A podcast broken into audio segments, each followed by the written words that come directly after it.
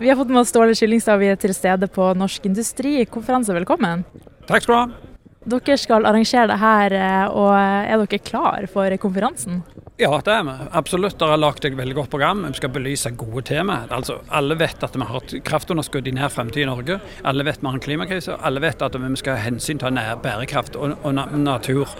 Så her er det mye vi skal diskutere, og mye vi må samhandle om.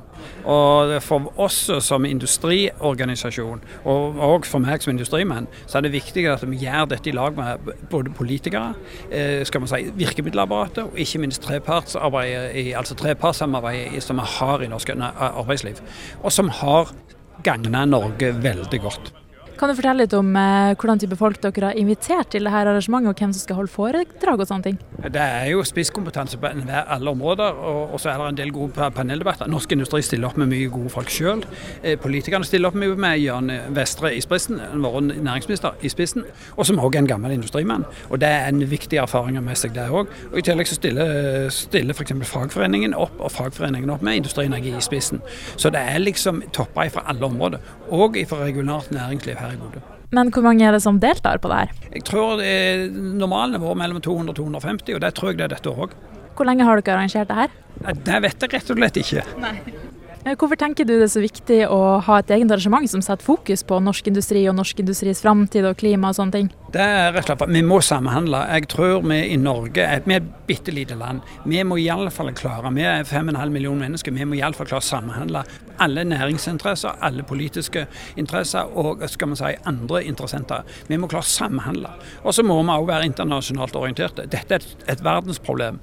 Altså, Europa slipper ut ca. 14% av verdens CO2-utslipp. Så hvis ikke, selv om Europa gjør alt rett, så går det likevel ikke så bra.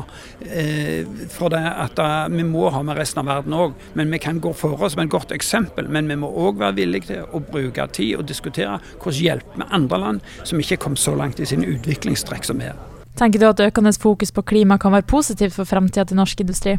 Ja, altså jeg håper vi skal få kontroll på klima i den forstand at klima utvikler seg selv. Det kan i alle fall være negativt. Det, klima hans koster Norge mye penger.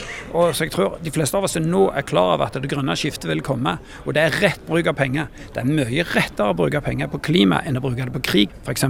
Hvorfor ønsker dere å ha det her i Bodø? Jo, for vi vil ha med oss Nord-Norge òg. Og Norge er et stort land, og det er langt å reise. Og det er dyrt å reise i Norge. Så dermed så er det viktig at vi klarer å bevege oss utover Oslo-gryta. og og være rundt omkring og ha skal vi si, lokale konferanser der vi diskuterer problemstillingene.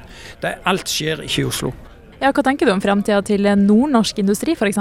Ja, Den tror jeg har en fremtid foran seg. og Nå håper jeg Vestre kommer med planer for òg havvind i, i, i Nord-Norge. For det er selvsagt. Vi har begynt i Sør-Norge, men selvsagt må det òg være i resten av Norge. Supert. Tusen takk og lykke til på konferansen. Takk skal du ha.